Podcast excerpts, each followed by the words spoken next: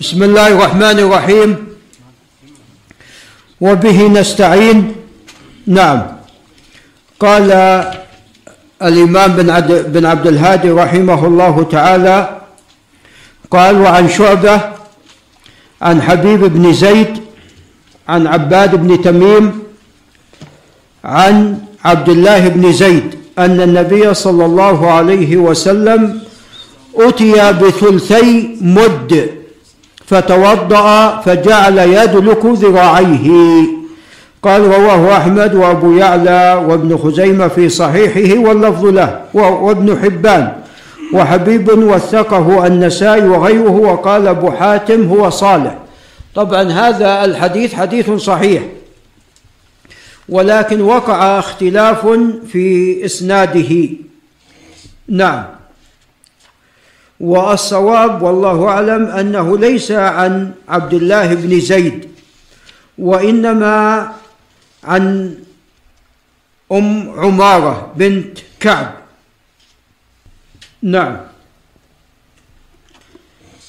طبعا هذا الحديث كما تقدم قد اختلف فيه على شعبة بن الحجاج فرواه القطان ومعاذ العنبري وغيرهم كما تقدم في الاسناد الذي ذكره المصنف. وخالفهم غندر فجعله خالفهم غندر عن شعبة فجعله من حديث أم عمارة بنت كعب. وهذا أصح هذا أصح من حديث أم عمارة بنت كعب. عن حبيب بن زيد عن عباد بن تميم عن جدته أم عمارة. نعم. وهو حديث صحيح. نعم. وفيه طبعا أن الرسول صلى الله عليه وسلم توضأ بأقل من مد بثلثي مد كما أن فيه دلك الذراعين ودلك الذراعين ليس بواجب. دلك الذراعين أو أعضاء الوضوء ليس بواجب إلا عند ماذا؟ إلا عند الحاجة. إلا عند الحاجة لذلك. نعم. فأحيانا الماء قد يحيد عن جزء من العضو خاصة في وقت البرد عندما يكون الجلد يابس شوي فيحتاج, فيحتاج إلى ماذا؟ إلى دلك. نعم. قال وعن نعيم المجمر وهو ثقة جليل قال رأيت أبا هريرة رضي الله عنه يتوضأ فغسل وجهه فأسبغ الوضوء. ثم غسل يده اليمنى حتى أشرع في العضد. ثم غسل يده اليسرى حتى أشرع في العضد. ثم مسح رأسه ثم غسل رجله اليمنى حتى أشرع في الساق. ثم غسل رجله اليسرى حتى أشرع في الساق. ثم قال هكذا رأيت رسول الله صلى الله عليه وسلم يتوضأ وقال قال رسول الله صلى الله عليه وسلم أنتم الغر المحجلون يوم القيامة. طبعا الغرة يكون بياض في ماذا؟ في الجبهة. الغرة بياض في الجبهة. وأما التحجيل فتكون في الأيدي والأقدام. أنتم الغر المحجلون يوم القيامة من إسباغ الوضوء. فمن استطاع منكم حمك الله فمن استطاع منكم فليطل غوته وتحجيله. نعم. رواه مسلم. قال وروى أيضا من حديث نعيم أنه رأى أبا هريرة رضي الله تعالى عنه يتوضأ فغسل وجهه ويديه حتى كاد يبلغ المنكبين. ثم غسل رجليه حتى رفع إلى الساقين. ثم قال سمعت رسول الله صلى الله عليه وسلم يقول إن أمتي يأتون يوم القيامة غرا محجلين من أثر الوضوء فمن استطاع منكم أن يطيل غرته فليفعل. قال وروى الإمام أحمد حديث نعيم وزاد فيه وقال نعيم لا أدري قوله من استطاع منكم أن يطيل غرته فليفعل من قول رسول الله صلى الله عليه وسلم أو من قول أبي هريرة. نعم أولا هذا الحديث حديث صحيح. نعم. وقوله في رواية الإمام أحمد لا أدري من استطاع أن يطيل غرته فليفعل من قول رسول الله صلى الله عليه وسلم أو من قول أبي هريرة. هذا قد رواه الإمام أحمد من طريق فليح بن سليمان عن نعيم وفليح بن سليمان وإن كان صدوقا ولكن عنده بعض الأوهام. وفي روايات الأخرى ومن بعض من رواه أوثق من فليح لم يذكروا هذا الشك. لم يذكروا ماذا؟ هذا الشك. فالصواب هو بدون شك وأن بالتالي هذه الجملة والله أعلم من قول من؟ من قول رسول الله صلى الله عليه وسلم. وإطالة الغرة والله أعلم هو أن تغسل بعض ماذا؟ بعض الشعر يعني حتى تتأكد أنك غسلت الوجه ماذا؟ كاملا. حتى تتأكد أنك غسلت الوجه كاملا. كما أنك إذا غسلت اليدين إلى المرفقين حتى تتأكد من غسل المرفقين سوف تشرع في ماذا؟ في العضد. وهذا ما جاء في الرواية الأولى. قال حتى أشرع في العضد. وهي أصح من حيث المعنى من الرواية الأخرى حتى بلغ المنكب أو المنكب. نعم. في الرواية الأخرى قال حتى كاد يبلغ المنكبين. في الرواية الأولى أشرع في العضد نعم. فأنت حتى تتأكد لابد سوف تغسل شيء من ماذا؟ من العضد نعم. وكذا أيضا بالنسبة لغسل القدمين. أنت حتى تدخل الكعبين راح تشرع في ماذا؟ في الساقين راح تشرع في الساقين. فهذا الحديث حديث صحيح وهذا الشك إنما جاء في رواية فليح بن سليمان والروايات الأخرى التي هي رواية من أوثق من عنده ما ذكروا الشك فروايتهم والله أعلم هي الأرجح. قال وروى مسلم عن قتيبة أي بن سعيد عن خلف بن خليفة عن أبي مالك الأشجعي عن أبي حازم سلمان الأشجعي. قال كنت خلف أبي هريرة رضي الله عنه وهو يتوضأ للصلاة فكان يمد يده حتى تبلغ إبطه. فقلت له يا أبا هريرة ما هذا الوضوء؟ قال يا بني فروخ أنتم ها هنا. بني فروخ يعني كناية عن العجم الموالي. أنتم ها هنا لو علمت أنكم ها هنا ما توضأت هذا الوضوء. سمعت خليلي رسول الله صلى الله عليه وسلم يقول تبلغ الحلية من المؤمن حيث يبلغ الوضوء. نعم طبعا هذا تأول من أبي هريرة حتى وصل إلى الإبط. هذا تأول من ماذا؟ من أبي هريرة رضي الله عنه. ولذا ما كان عليه الصلاة والسلام يفعل ذلك. وإنما كما تقدم. يعني بالنسبة لغسل الوجه أنت لابد راح تغسل شيء من أطراف الشعر. نعم. وكذا بالنسبة اليدين عندما يجب عندما تدخل المرفق لابد تشرع في ماذا؟ في العضل وهكذا بالنسبة للقدمين راح تشرع في الساق. نعم. قال وعن عائشة رضي الله تعالى عنها طبعا يعني في هذا الحديث أيضا أن الأعمال تجسد الأعمال تجسد في يوم القيامة ولذا الرسول عليه الصلاة والسلام يعرف أمة من باقي الأمم من أثر ماذا؟ من أثر الوضوء يعني وبالتالي والعياذ بالله الذي لا يصلي لا يكون من ماذا؟ من نعم لا يكون من أمة رسول الله صلى الله عليه وسلم لأن أثر التحجيل لن يكون باديا على ماذا؟ عليه نعم لا لا يكون باديا عليه. فإذا هو ليس من أمة رسول الله عليه الصلاة والسلام. ولذا جاءت الأحاديث بكفر تارك الصلاة. قال وعن عائشة رضي الله عنها قالت كان النبي صلى الله عليه وسلم يعجبه التيمم في تنعله وترجله وطهوره وفي شأنه كله. نعم في ترجله في تنعله تبدأ باليمين وفي الخلع تبدأ باليسار.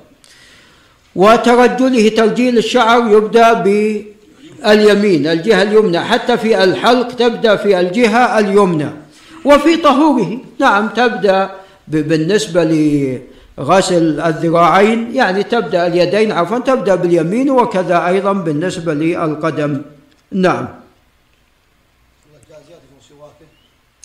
هذه سواكة جاءت عند أبي داود من حديث بارك الله فيكم نعم.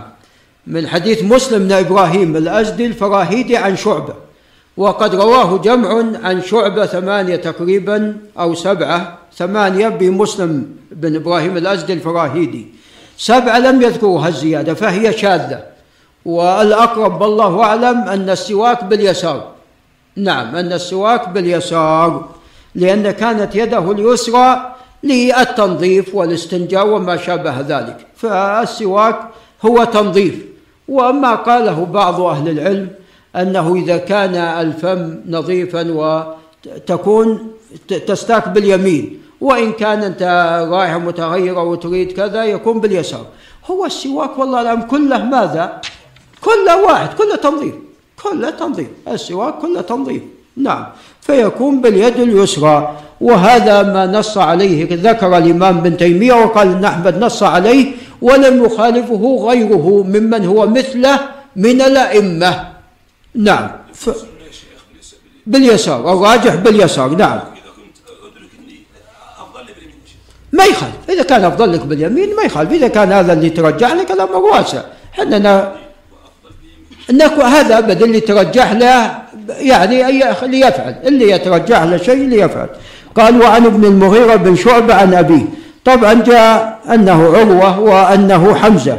حمزة وعروة كلاهما. قد روي هذا الحديث عن أبيهما المغيرة بن شعبة رضي الله عنه أن النبي صلى الله عليه وسلم توضأ فمسح بناصيته وعلى العمامة وعلى الخفين وعلى العمامة وعلى الخفين. رواه مسلم. نعم. هذا فيه مشروعية مسح العمامة. العمامة تمسح كما يمسح كما يمسح الخف. نعم تمسح كما يمسح الخف. نعم. وهذا يعني فيه رخصة وتيسير على الأمة وخاصة كان الناس فيما سبق يلبسون العمائم ويكورونها على رؤوسهم ويشدونها. فخلعها ثم لبسها مرة أخرى يعني هذا فيه بعض المشقة فجاء الشارع بالترخيص في ذلك. قال وعن عبد الله بن زيد. نعم. طبعا لا بأس أنك تمسح على شيء من الناصية وتكمل المس على العمامة. وإن اكتفيت بالمس على العمامة فهذا كافي. قالوا عن عبد الله بن زيد أنه رأى رسول الله صلى الله عليه وسلم يتوضأ فأخذ لأذنيه ماء خلاف الماء الذي أخذه لرأسه. قال رواه البيهقي من رواية الهيثم بن خارجة عن عبد الله بن وهب عن عمرو بن الحارث عن حبان بن واسع الأنصاري عن أبيه عن عبد الله بن زيد. قال هذا إسناد صحيح. لكن يعني ظاهره الصحة ولكنه ماذا؟ شاذ معلول. ولذا قال ورواه هذا كله كلام البيهقي. قال ورواه مسلم عن غير واحد عن ابن وهب. ولفظه أنه رأى رسول الله صلى الله عليه وسلم توضأ فذكر وضوءه قال ومسح برأسه بماء غير فضل يده. هذا اللفظ هو ماذا؟ هو الصحيح. نعم لا بأس. قال البيهقي هذا أصح من الذي قبله. قال هذا أصح من الذي قبله. فيبدو أن الهيثم بن خارجة هو الذي أخطأ.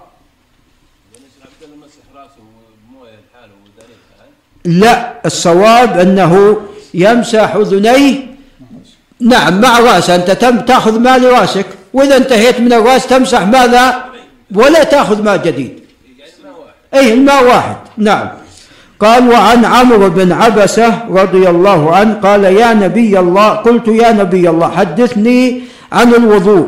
قال ما منكم رجل يقرب وضوءه فيتمضمض ويستنشق فيستنثر إلا خرت خطايا وجهه وفيه وخياشيمه. خطايا الوجه والفم والخياشيم. قال ثم إذا غسل وجهه كما أمره الله إلا خرت خطايا وجهه من أطراف لحيته مع الماء. ثم يغسل يديه إلى المرفقين إلا خرت خطايا يديه من أنامله مع الماء. ثم يمسح رأسه في حديث أبي هريرة مع الماء أو مع آخر قطر الماء. قال ثم يمسح رأسه لخرت خطايا رأسه من أطراف شعره مع الماء. ثم يغسل قدميه إلى الكعبين لخرت خطايا رجليه مع من أنامله مع الماء. فإن هو قام فصلى فحمد الله وأثنى عليه ومجده بالذي هو له أهل وفرغ قلبه لله عز وجل إلا انصرف من خطيئته كهيئته يوم ولدته أمه. نسأل الله من فضله. هذا فيه فضل عظيم لمن توضأ كما جاء رسول الله صلى الله عليه وسلم ثم صلى ركعتين يقبل فيهما على ربه عز وجل. وهذا نفس الحديث الذي جاء عن عثمان رضي الله تعالى عنه في حديث عطاء بن يزيد عن حمران عن عثمان وقد تقدم. قال رواه مسلم هكذا ورواه الإمام أحمد في مسنده وابن خزيمة في صحيحه وفيه كما أمره تعالى بعد غسل الرجلين نعم. قال وعن جعفر بن محمد أي بن علي بن الحسين بن علي بن أبي طالب رضي الله عنه ورحمه عن أبيه محمد بن علي المعروف بالباقر عن جابر بن عبد الله رضي الله تعالى عنهما قال فذكر الحديث في حجة النبي صلى الله عليه وسلم وفيه فلما دنا من الصفا قال إن الصفا والمروة من شعائر الله فابدأوا بما بدأ الله به. إذا اقتربت من الصفا تقرأ الآية الكريمة ثم تقول نبدأ بما بدأ الله به. هذا اللفظ الصحيح. جاء في رواية عند النسائي فابدأوا بالأمر. قال هكذا رواه النسائي بإسناد صحيح بصيغة الأمر. ورواه مسلم والنسائي أيضا من غير وجه عن جعفر بصيغة الخبر نبدأ وأبدأ وهو الصحيح. إذا إسناد صحيح يعني ظاهر الصحة ولكنه شاذ معلول غير محفوظ. الصواب نبدأ أو أبدأ بلفظ الخبر وليس بلفظ الأمر. قال وعن بقية أي ابن الوليد عن بحير بن سعد السحولي وهو ثقة عن خالد بن معدان الشامي وهو ثقة جليل عن بعض أصحاب النبي صلى الله عليه وسلم أن النبي صلى الله عليه وسلم رأى رجلا يصلي وفي ظهر قدمه لمعة قدر الدرهم. لم يصبها الماء. حمك الله. فأمر النبي فأمره النبي صلى الله عليه وسلم أن يعيد الوضوء والصلاة. نعم. وذلك أن هذا يعني جف وضوءه وصلى وبالتالي صلاته أيضا رأى رجلا يصلي. نعم. وبالتالي صلاته غير صحيحة لأن وضوءه كان ماذا؟ كان ناقصا. نعم. فأمره أن يعيد الوضوء والصلاة. نعم لأن وضوء جف لو كان قبل أن يجف وضوءه ويعني غسل هذا الجزء من قدمه لقدر الدرهم لم يصبها الماء كان نعم يعني لا يجب عليه أن يعيد الوضوء. كما أنه إذا كان مثلا نسي مثلا غسل شيء من كفه أو من ذراعه ووصل إلى قدمه يرجع إذا كان لم يعني إذا كان لا زال يتوضأ يرجع ويغسل ما ترك ثم يعيد ما ماذا؟ ما بعده إلى أن ينتهي من الوضوء. نعم لأن الترتيب والموالاة شرط في صحة الوضوء. قال وليس عند أحمد ذكر الصلاة. قال الأثرم أبو بكر الأثرم. وقد كان من كبار الحفاظ نعم أحمد بن محمد الطائي كان من كبار الحفاظ رحمه الله. حتى قال يحيى بن معين أن أحد أبويه جني. نعم يعني من قوة حفظه يقصد من قوة حفظه. قال قلت لأحمد هذا إسناد جيد؟ قال نعم. فهذا إسناد جيد وقد جاء من حديث جابر رواه مسلم ولكن حديث جابر بعض الحفاظ قد تكلم فيه مع أن الإمام مسلم قد خرجه. نعم ولكن ثبت عن عمر ثبت عن عمر موقوفا عليه. نعم. أي نعم نعم صحح. الإمام أحمد قال إسناد جيد وحتى الأثرم قال قلت لأحمد هذا إسناد جيد فالأثرم أيضا يرى أنه ماذا؟ إسناد جيد والإمام أحمد يرى أنه جيد. قال وعن أنس بن مالك نعم يعني طبعا أبو محمد بن حزم والبيهقي لا يرون مثل هذا صحيحا إذا لم يسمى الصحابي. وهذا خطأ. الصواب أن يعني آه، إذا قيل أن هذا صحابي خلاص إذا قال التابعي كخالد بن معدان وهو من أجلة التابعين. نعم. قال عن بعض أصحاب النبي صلى الله عليه وسلم فهو جازم. قال وعن أنس بن مالك رضي الله عنه قال كان رسول الله صلى الله عليه وسلم يتوضأ بالمد ويغتسل بالصاع إلى خمسة أمداد وأحيانا إلى صاع ونصف. نعم. كما اغتسل مع عائشة رضي الله عنها بناء قدر الفرق والفرق في مقدار ثلاثة آصع. نعم. قال متفق عليه. وتقدم في حديث أم عمارة بنت كعب أن نتوضأ بثلثي مد. وهذا أقل شيء. ثلثي مد أقل شيء جاء عن رسول الله صلى الله عليه وسلم. قال وعن عمر بن الخطاب رضي الله عنه عن النبي صلى الله عليه وسلم قال ما منكم من أحد يتوضأ فيبلغ أو يسبغ الوضوء. ثم يقول أشهد أن لا إله إلا الله وحده لا شريك له وأشهد أن محمدا عبده ورسوله. إلا فتحت له أبواب الجنة الثمانية. يدخل من أيها شاء رواه مسلم. نعم نسأل الله من فضله. قال وزاد الترمذي فيه اللهم اجعلني من التوابين واجعلني من المتطهرين. هذه الزيادة لا تصح. الأقرب أنها لا تصح وإنما يقتصر على الشهادتين. قال وفي رواية لأحمد وأبي داود فأحسن الوضوء ثم رفع رأسه إلى السماء. وقال أشهد هذه أيضا لا تصح. رفع الرأس إلى السماء أيضا هذا لا يصح. قال وروى أبو محمد الدارمي عن قبيصة بن عقبة السوائي عن سفيان أي الثوري والله أعلم. عن زيد بن أسلم نعم لأن قبيصة روى عن سفيان الثوري وابن عيينة ها؟ روى عن سفيان الثوري وابن عيينة. قال عن زيد بن أسلم مولى عمر قال عن عطاء بن يسار الهلال عن ابن عباس رضي الله عنهما أن النبي صلى الله عليه وسلم توضأ مرة مرة ونضح. قال وهؤلاء رجال الصحيح. نعم قبيس مخرج له في الصحيح. قال ورواه عن أبي عاصم الضحاك بن مخلد وهو أقوى من من قبيصة. عن سفيان طبعا الصواب سفيان الثوري هذا برواية أبي عاصم. قال ولم يقل ونضح. فنضح والله أعلم لا تصح غير محفوظة. نعم. والنضح لم يثبت في حديث في حديث مرفوع لم يثبت وإنما جاء عن بعض الصحابة. والله أعلم. قال وعن بريدة بن الحصيب وعن بريدة بن الحصيب رضي الله عنه قال أصبح رسول الله صلى الله عليه وسلم فدعا بلالا. فقال يا بلال بما سبقتني إلى الجنة؟ فما دخلت الجنة قط إلا وسمعت خشخشتك أمامي. لعل الشيخ بندر ينتبه. قال دخلت البارحة فسمعت خشخشتك أمامي فأتيت على قصر مربع. مشرف نسأل الله من فضله. مشرف عالي. نسأل الله من فضله يا الله. من ذهب. فقلت لمن هذا القصر؟ قالوا لرجل عربي. فقلت أنا عربي لمن هذا القصر؟ قالوا لرجل من قريش.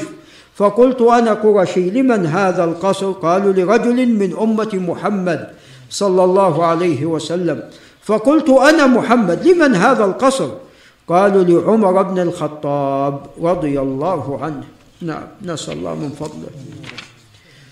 فقال بلال يا رسول الله ما أذنت قط إلا صليت ركعتين.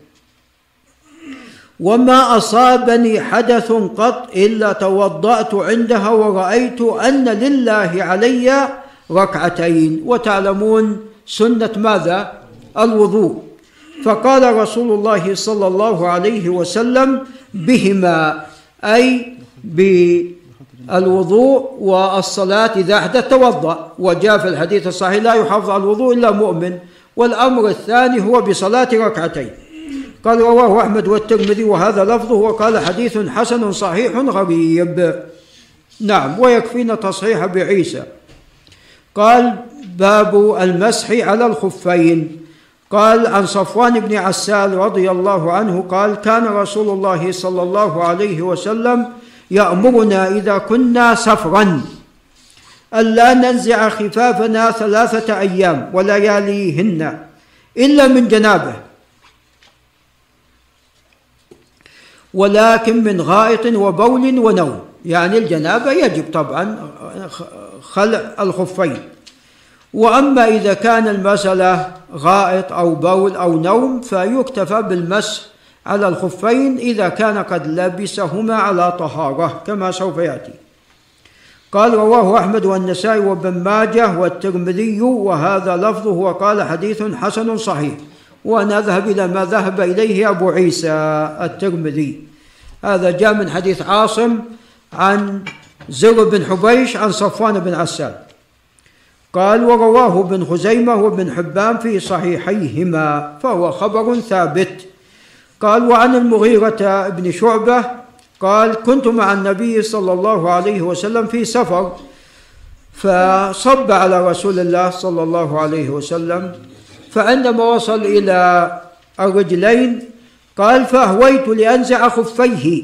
قال دعهما. فقال عليه الصلاة والسلام دعهما. فإني أدخلتهما طاهرتين فمسح عليهما. ففيه مشروعية المسح على الخف. نعم. وأن الخف يعني حتى ولو كان ليس من جلد مثل الآن ما يسمى بالجورب فأيضا هذا يمسح عليه لأنه مثل الخف وقد ثبت عن أكثر من صحابي المسح على الجوارب. نعم وكانت طبعا جواربهم غالبا من صوف. نعم فحتى لو كان من غير الصوف بما أنه جوارب ملبوسة على القدم ولبسها الإنسان على طهارة فإنه يمسح عليها. المقيم يوما وليلة والمسافر ثلاثة أيام وتبدأ المدة من المسح تبدأ المدة من المسح وليس من الحدث. نعم أحدث الواحد مثلا الضحى وقد لبسهما الفجر. ثم عندما جاء الظهر توضأ ومسح عليهما. يبدأ من هنا يبدأ الوقت من هنا. قال متفق عليه واللفظ للبخاري. قال وعن جرير بن عبد الله البجلي رضي الله عنه قال رأيت رسول الله صلى الله عليه وسلم بال ثم توضأ ومسح على خفيه. قال إبراهيم اي النخعي كان يعجبهم هذا الحديث لأن إسلام جرير كان بعد نزول المائدة. نعم. قال واللفظ لمسلم فهذا أيضا فيه مشروعية المسح على الخفين. قال نعم متفق عليه واللفظ لمسلم. قال وعن شريح بن هانئ الحارثي قال أتيت عائشة رضي الله عنها أسأله عن المسح على الخفين فقالت عليك بابن أبي طالب فسله فإنه كان يسافر مع رسول الله صلى الله عليه وسلم فسألناه فقال جعل رسول الله صلى الله عليه وسلم ثلاثة أيام ولياليهن للمسافر ويوما وليلة للمقيم. رواه مسلم. وقال أبو عمر بن عبد البر واختلفت الرواة في رفع هذا الحديث ووقفه على علي رضي الله عنه. قال ومن رفعه أحفظ وأضبط. نعم. ومثله لا يقال من قبل الرأي. نعم. فالمسافر ثلاثة أيام والمقيم يوما وليلة. يبدأ من حين المسح. قال وعن ثوبان رضي الله عنه قال بعث رسول الله صلى الله عليه وسلم سرية فأصابهم البرد. فلما قدموا على رسول الله صلى الله عليه وسلم أمره أن يمسحوا على العصائب وهي العمائم تسمى عصابة لأنها يعصب بها الرأس. والتساخين وهي ما يغطي القدم. نعم. وهذا يؤيد أنه إذا كانت القدم القدم مغطاة نعم بجورب سواء كان من صوف ولا من كتان ولا من أي شيء كان فإنه يمسح عليه. نعم. قال رواه أحمد وأبو داود وأبو يعلى الموصلي والروياني والحاكم وقال على شرط مسلم. قال المصنف وفي قوله نظر فإنه من رواية ثور بن يزيد عن راشد بن سعد عن ثوبان وثور لم يروي له مسلم. بل انفرد به البخاري وراشد بن سعد لم يحتج به الشيخان. وقال الإمام أحمد لا ينبغي أن يكون راشد سمع من ثوبان. لماذا؟ قال لأنه مات قديما. ثوبان مات أربع عام 54 قال المصنف وفي هذا القول نظر فإنهم قالوا إن راشدا شهد مع معاوية صفين. هذا رواه البخاري في تاريخه. إن راشد بن سعد شهد مع معاوية صفين. نعم فيدل على قدم من راشد بن سعد. قال وثوبان مات سنة أربع وخمسين ومات راشد سنة ثمان ومئة. يعني هذا يفيد أنه قد عمر وصفين عام سبعة وثلاثين. هذا يفيد أنه قد عمر. قال ووثقه بن معين وابو حاتم والعجل ويعقوب بن شيبة والنسائي وخالفهم ابن حزم والحق معهم. أخطأ ابن حزم. قال والأصاب الأمام والتساخين الخفاف فالراجح إذن هذا الخبر خبر صحيح.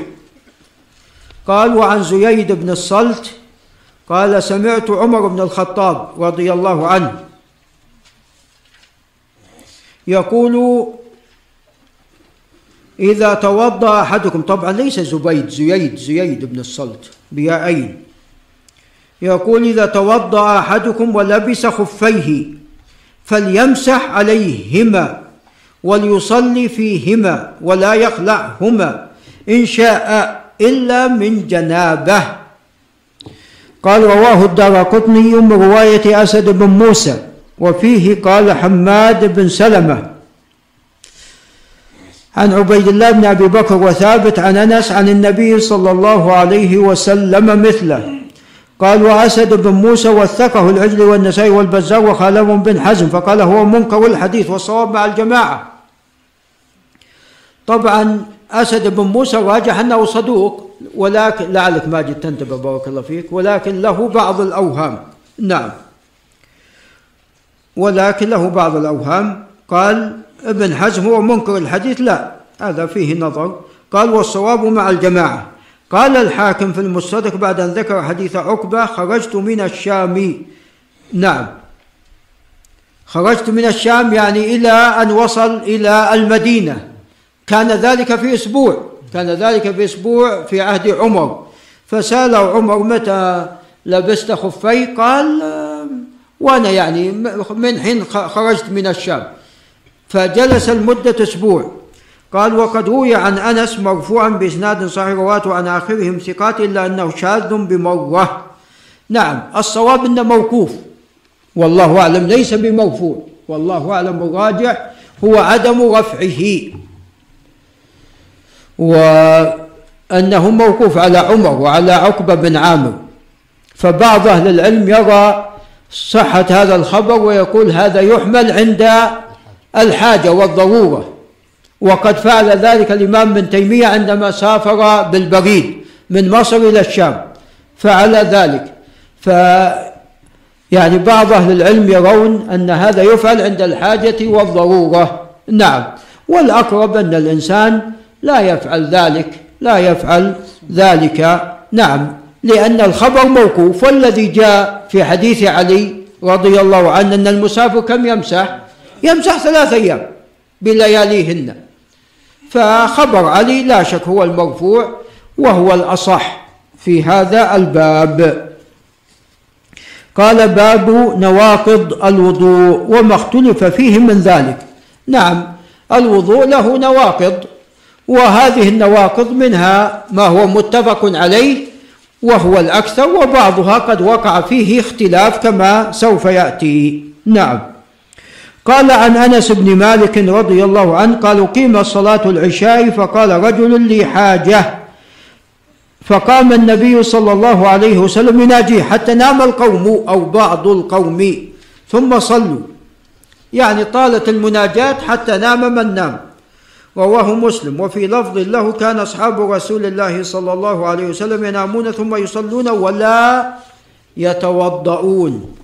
ورواه أبو داود ولفظه كان أصحاب رسول الله صلى الله عليه وسلم على عهده عليه الصلاة والسلام ينتظرون العشاء الآخرة حتى تخفق رؤوسهم أو رؤوسهم حتى تخفق رؤوسهم. ثم يصلون ولا يتوضؤون. قال ورواه الدار قطني وصححه. وفي رواية عند البيهقي لقد رأيت أصحاب رسول الله صلى الله عليه وسلم يوقظون للصلاة حتى إني لا أسمع لأحدهم غطيطا ثم يقومون فيصلون ولا يتوضؤون. قال ابن المبارك هذا عندنا وهم جلوس. قال المصنف قد روي في الحديث زيادة تمنع ما قاله ابن المبارك. إن ثبتت رواها القطان وهو إمام عن شعبة عن قتادة عن أنس.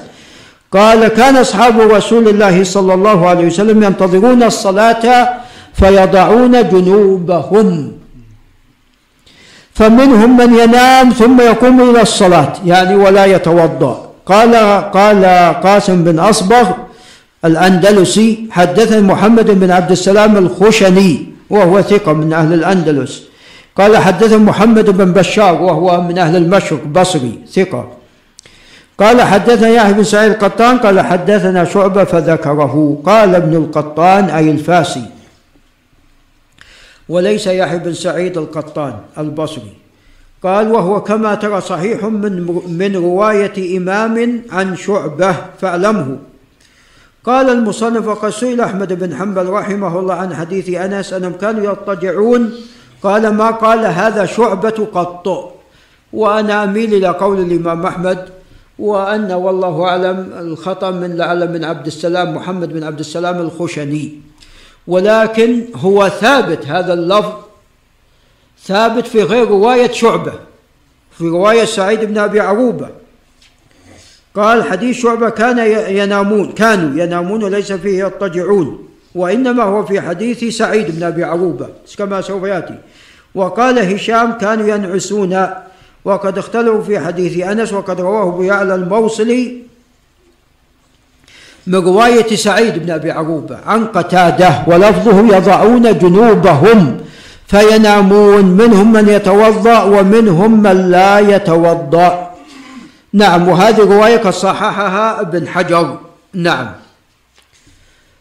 وقد جاء في حديث عمر عندما أخر عليه الصلاة والسلام الصلاة في ليلة من الليالي قال نام النساء ونام الصبيان نام النساء ونام الصبيان. فالنوم على قسمين من حيث نقض الوضوء وعدمه.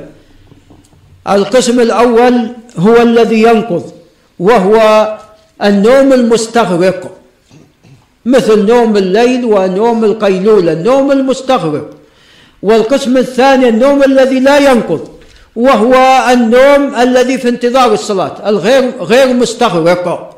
نعم أنت جاي للمسجد حتى لو وضعت جنبك وأنت في انتظار الصلاة فهذا لا ينقض. اللهم إلا إنسان يعني صلى المغرب ثم نام حتى أذن أذان العشاء وهو مضطجع نائم.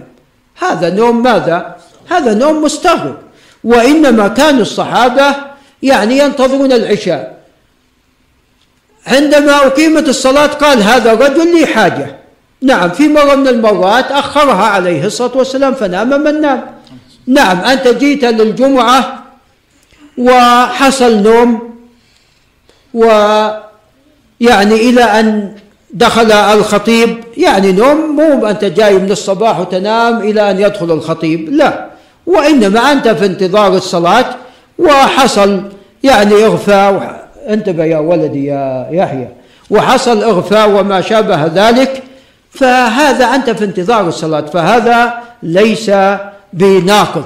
هذا ليس بناقض الوضوء. طبعا مرة من المرات أبو موسى الأشعري عندما صلى الظهر نام إلى العصر ثم قام قال لمن حوله سمعتم شيء؟ قالوا ما سمعنا شيء قام وصلى. رضي الله تعالى عنه. هذا اجتهاد منه رضي الله تعالى عنه. نعم. قال وعن هشام بن عروة عن أبيه عن عائشة رضي الله عنها قالت جاءت فاطمة بنت أبي حبيش إلى النبي صلى الله عليه وسلم فقالت يا رسول الله إني امرأة أستحاض فلا أطهر. أستحاض يعني المرأة المستحاضة هي التي يستمر معها ماذا؟ الدم. نعم. الحائض هي التي يأتيها الدم في وقت معين ويسمى دم الحيض. أما المستحاضة هي التي يستمر فيها الدم. وهذه المستحاضة لا ليس حكمها حكم الحائض ولكن هنا حكمها فيما يتعلق بطهارتها في الصلاة. نعم. إني امرأة استحاض فلا أطهر. أفدع الصلاة؟ فقال لا إنما ذلك عرق وليس بحيض. إذا ليس له حكم الحيض. الحيض هو الذي يمنع الصلاة. هذا عرق ليس بحيض. فإذا أقبلت حيضتك فدعي الصلاة. الأيام التي تحيض فيها. نعم. أو إذا كانت تميز. ودم الحيض غالبا يتميز عن باقي الدماء. فإذا كانت تميز تعمل بتمييزها. على القول الراجح والله أعلم. إن كانت لا تميز الأيام التي كانت تحيضها. تحيض مثلا قبل أن يأتي لها الاستحاضة في أول كل شهر. تجلس سبعة أيام في أول كل شهر. كان يجي لها يعني سبعة أيام في أول كل شهر تجلس.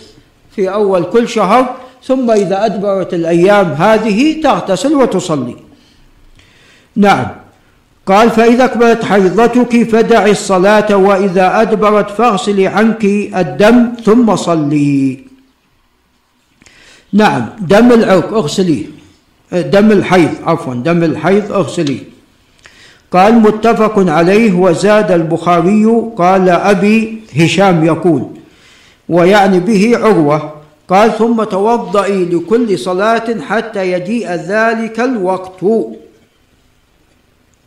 قال وروى النسائي الأمر بالوضوء مرفوعا من رواية حماد بن زيد عن هشام. وقال لا أعلم أحدا ذكر في هذا الحديث ثم توضئي غير حماد بن زيد. وقال مسلم في حديث حماد بن زيد زيادة حرف تركنا تركنا ذكره. هذا جاء مرفوع جاء من كلام عروة مرسل وهو الأقرب. الأقرب أنه ليس بموصول. الأقرب أنه ليس بموصول.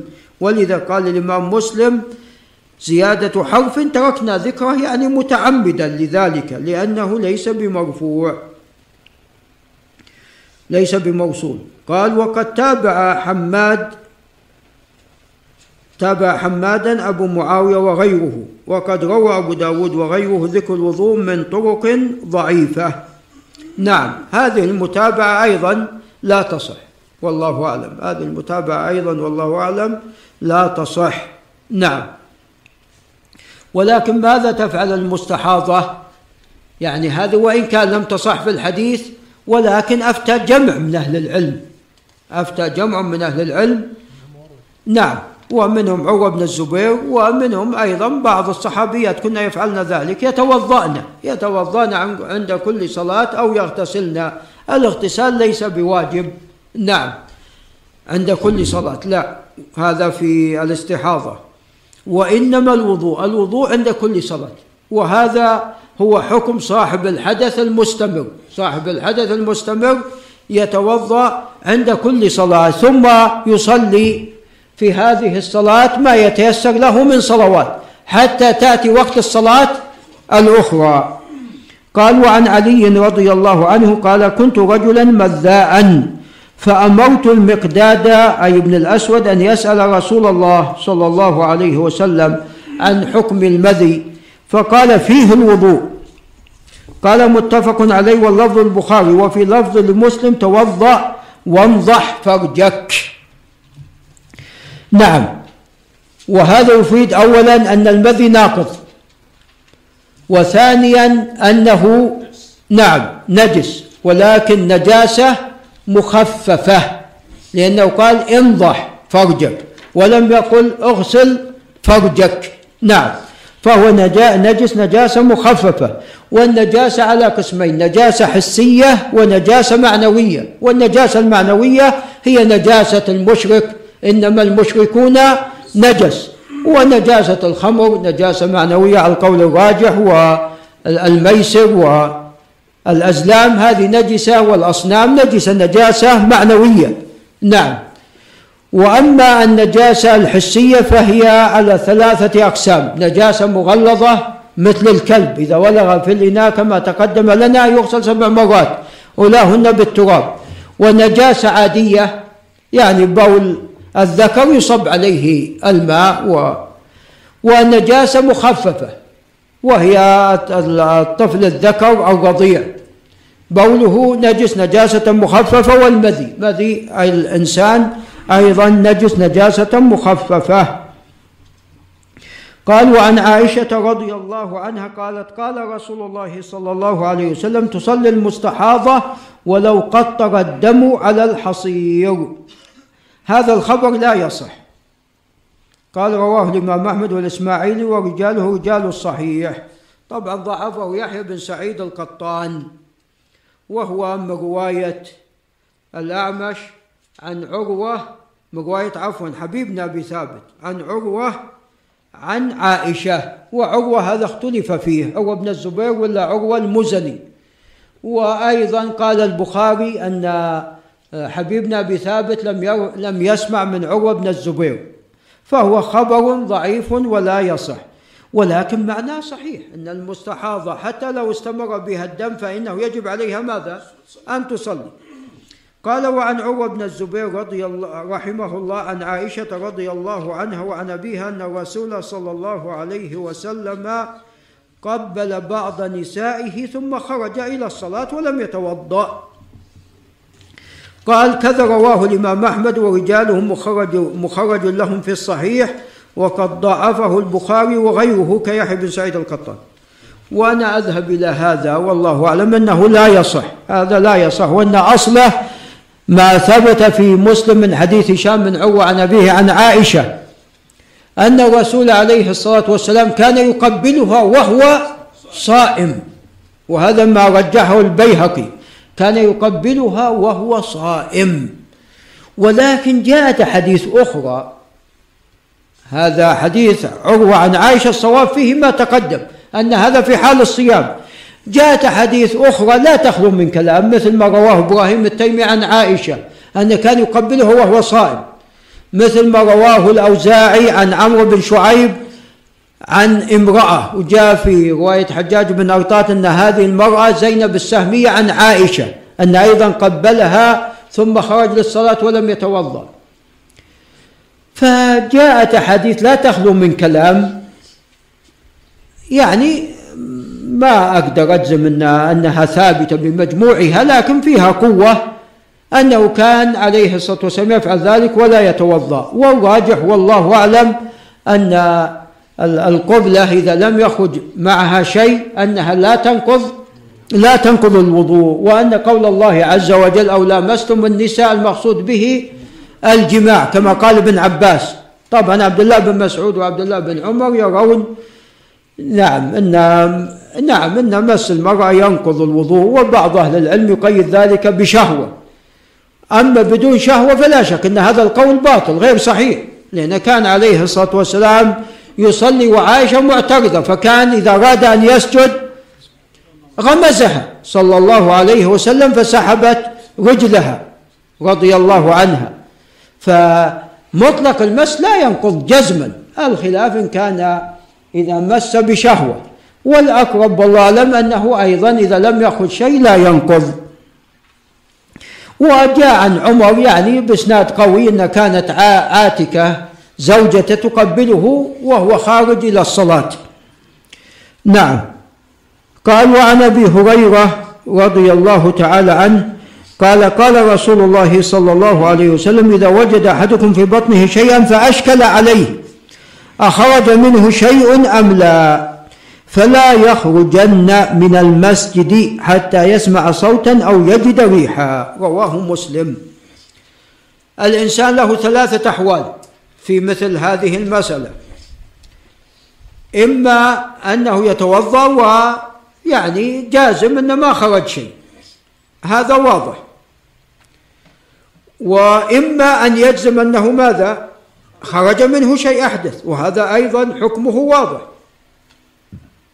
الحالة الثالثة يكون بين وبين. أشكل عليه.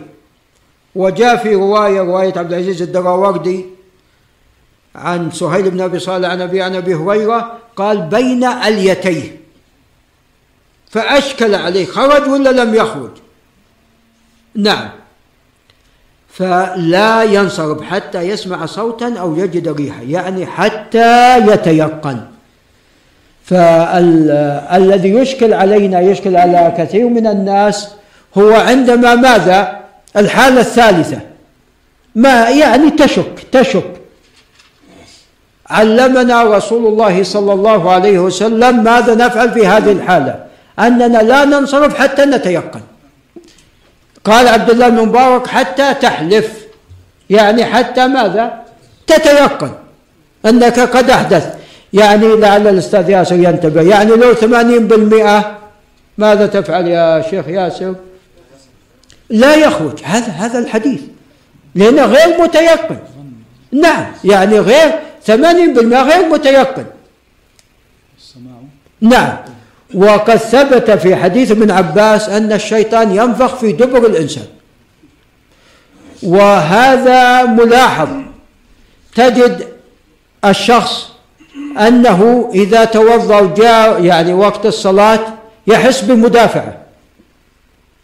ثم إذا سلم ذهبت المدافعة. إذا سلم ذهبت المدافعة بل أحيانا الإنسان لو زور في نفسه حس بمدافع قال قال خلاص أنا بتوضأ قد تذهب. قد تذهب. كيف يعلم الشيطان؟ قد يشم القلب. قد يشم القلب فيوسوس له. فإذا قال خلاص أنا بتوضأ قد تذهب المدافعة قد تذهب المدافعة فإذا هذا يفيد أن المدافع ممن غالبا. طبعا أحيانا حقيقة. وأحيانا تكون ممن من؟ الشيطان. نعم.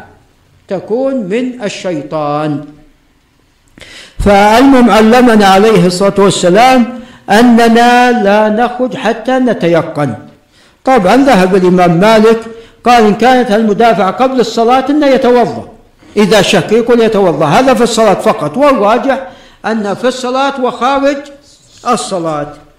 قال وعن بسرة بنت صفوان أن رضي الله عنها أن رسول الله صلى الله عليه وسلم قال من مس ذكره فليتوضأ رواه أحمد وأبو داود بن ماجه والنسائي والترمذي وابن حبان في صحيحه. طبعا الحافظ بن حجر في مثل هذا يقول رواه أحمد وأصحاب السنن وصححه الترمذي وابن حبان. فلذا كان هو أخصر في أسهل في الحفظ. قال وابن حبان في صحيحه وقال البخاري أصح شيء في هذا الباب حديث بسرة. يعني أصح من حديث ماذا؟ من حديث طلق الذي سوف يأتي. والراجح طبعا ذهب بعض أهل العلم إلى أنه يجب الوضوء من مس الذكر وبعض أهل العلم قال لا يجب والأرجح والله أعلم أنه يستحب. وبعض أهل العلم قال إذا مس ذكره بشهوة. هذا مذهب الإمام مالك بشهوة. نعم. والراجح والله أعلم جمعا بين الحديثين أنه لا يجب وإنما يستحب.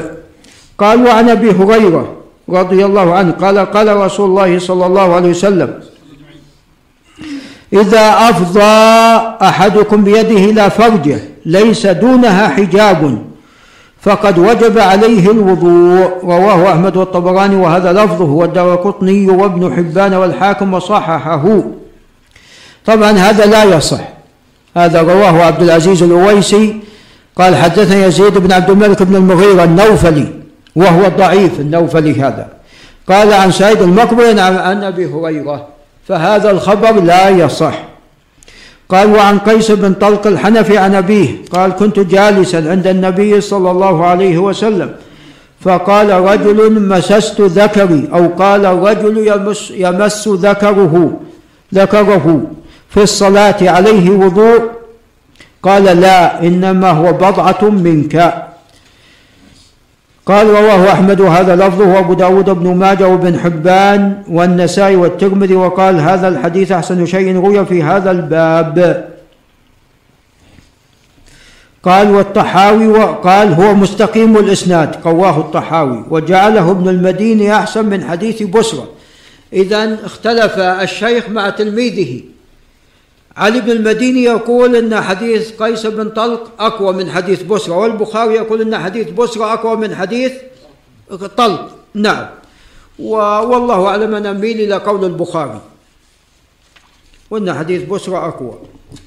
قال وقد تكلم فيه الشافعي وأبو زرعة. يعني قالوا إن قيس ليس بالمشهور.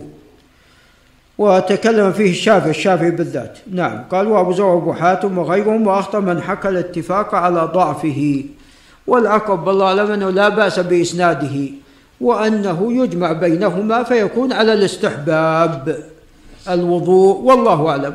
وإذا الإنسان احتاط وتوضأ نعم. فهذا حسن. نعم. أي إذا مس ذكره. قال وروى الطبراني بإسناده وصححه. أي الطبراني. الطبراني أحيانا قد يصحح عن قيس بن طلق عن أبيه عن النبي صلى الله عليه وسلم قال من مس فرجه فليتوضأ. قال وإسناده لا يثبت. الصواب أنه لا يثبت. ما هو الثابت عن قيس بن طلق؟ إنما هو بضعة منك. هذا فيه فليتوضأ. فهو انقلب انقلب على الراوي طبعا الطبراني صح الطبراني عنده توثيق لبعض الرواة وتصحيح لبعض الأحاديث. يعني فيه تساهل. فيه تساهل. فيه عنده بعض التساهل. نعم. وترى كلامه مهم جدا في الغرابة. كلامه مهم جدا. ولذا سمى المعجم الأوسط سماه ماذا؟ روحي. نعم. فنفيس جدا. هذا المعجم الأوسط والصغير. نعم نفيس جدا. ويعني الحديث إذا رواه أبو داود والترمذي والطبراني احرص على قول الطبراني. ماذا قال؟ حتى لو كان رواه أبو داود والطبراني. هل هو غريب ولا مشهور؟ من تفرد به؟ ينص دائما أو غالبا الطبراني على ذلك. هذا في الأوسط والصغير دون الكبير. وأما تصحيحاته وتوثيقاته وجدت على قلتها فيها لين بعض التساهل. فاذا هذا اللي رواه الطبراني لا يصح. قال وعن عائشة رضي الله عنها قال أن الرسول أن رسول الله صلى الله عليه وسلم قال من أصابه قيء أو رعاف أو قلس أو مذي فلينصرف وليتوضأ. طبعا القلس هو دون دون القي. نعم. أو مذي فلينصرف وليتوضأ ثم ليبني على صلاته وهو في ذلك لا يتكلم. نعم. وهذا الخبر خبر منكر خبر منكر وليس بصحيح. قال رواه ابن ماجه وضعفه الشافعي وأحمد والدار قطني وغيرهم. نعم فهو خبر منكر. نعم. و الصواب والله أعلم أن في الرعاف أنه لا ينقض إلا إذا كان خارجا إلا إذا كان الدم خارجا من أحد السبيلين. وكذا أيضا القلس والقي. لا ينقض لا ينقض وإنما يستحب الوضوء من ماذا؟ من القي. يستحب الوضوء. قاء فتوضأ عليه الصلاة والسلام. وأفطر. فيستحب. فعله يدل على الاستحباب عليه الصلاة والسلام. نعم. وأما الذي تقدم لا شك أنه ينقض. قال وعن جابر بن سمرة رضي الله عنه أن رجلا سأل رسول الله صلى الله عليه وسلم أأتوضأ من لحوم الغنم؟ قال إن شئت فتوضأ. وإن شئت فلا تتوضأ. قال أتوضأ من لحوم الإبل؟ قال نعم فتوضأ. من لحوم الإبل. قال أصلي في مرابض الغنم. قال نعم. قال أصلي في مبارك الإبل. قال لا رواه مسلم. فهذا يفيد أن اللحم الجزور من أكله يجب عليه ماذا؟ الوضوء. يجب عليه الوضوء. وأن لحم الجزور كل ما حملته الخفاف. كل ما حملته الخفاف. يعني عند بعض أهل العلم أن الكبد والطحال نعم لا يجب منها الوضوء لأن في الحديث أما الكبد والطحال فهما دمان. نعم نعم. نعم لا الراجح أنها أيضا يدخلان في اللحم. يدخلان في اللحم وأنهما نعم يجب الوضوء يعني كل ما ما حملته الخفاف. من من لحم من الجزور نعم. ولذا الخنزير تحريمه كله أو لحم أو شحم خنزير كل اللحم كل لحم الخنزير. لا لا لا بل لا. إحنا نتكلم على اللحم. نعم. نتكلم على اللحم. يعني اللحم المقصود ليس الهبر فقط. لا كل ما حملته الخفاف. وأما الوضوء من ألبانها فليس نعم لا يجب. وذهب بعض أهل العلم قول عند الحنابلة أنه أيضا لكن الصواب خلاف ذلك. نعم. قال وعن عائشة نعم عفوا. نعم قال وأما مرابض الغنم فيصلى بها ومبارك الإبل لا يصلى فيها ليس لنجاستها المبارك وإنما لأنها مأوى الشياطين لأنها مأوى الشياطين. نعم. قال وعن أبي هريرة رضي الله عنه عن النبي صلى الله عليه وسلم قال من غسل ميتا فليغتسل ومن حمله فليتوضأ. قال رواه أحمد وأبو داود والنسائي وابن ماجه والترمذي وحسنه ولم يذكر. طبعا حسنه يعني انه لا لا يثبت. نعم. قال ولم يذكر ابن ماجه الوضوء وقال أبو داود هذا منسوخ وقال الإمام أحمد هو موقوف على أبي هريرة وقال البخاري قال ابن حنبل وعلي. أي علي بن المديني. هذا لا يصح لا يصح عفوا. نعم لا يصح في هذا الباب شيء. نعم فهذا الخبر لا يصح وإنما موقوف على أبي هريرة رضي الله تعالى عنه. نعم اذا من تغسيل الميت لا يجب الوضوء لكن لو توضأ الإنسان أو اغتسل فبها. نعم قد جاء في حديث علي أنه أمره عليه الصلاة والسلام بأن يغتسل وهذا ليس على الوجوب. قال باب حكم الحدث. نعم. قال وعن عطاء بن السائب عن طاووس. طبعا عطاء صدوق قد اختلط عن طاووس بن كيسان وهو ثقة جليل عن ابن عباس رضي الله عنهما قال قال رسول الله صلى الله عليه وسلم إن الطواف بالبيت صلاة. إلا أن الله تعالى حل فيه النطق فمن نطق فلا ينطق إلا بخير. نعم الصواب أن هذا موقوف على ابن عباس. قال رواه الترمذي ورواه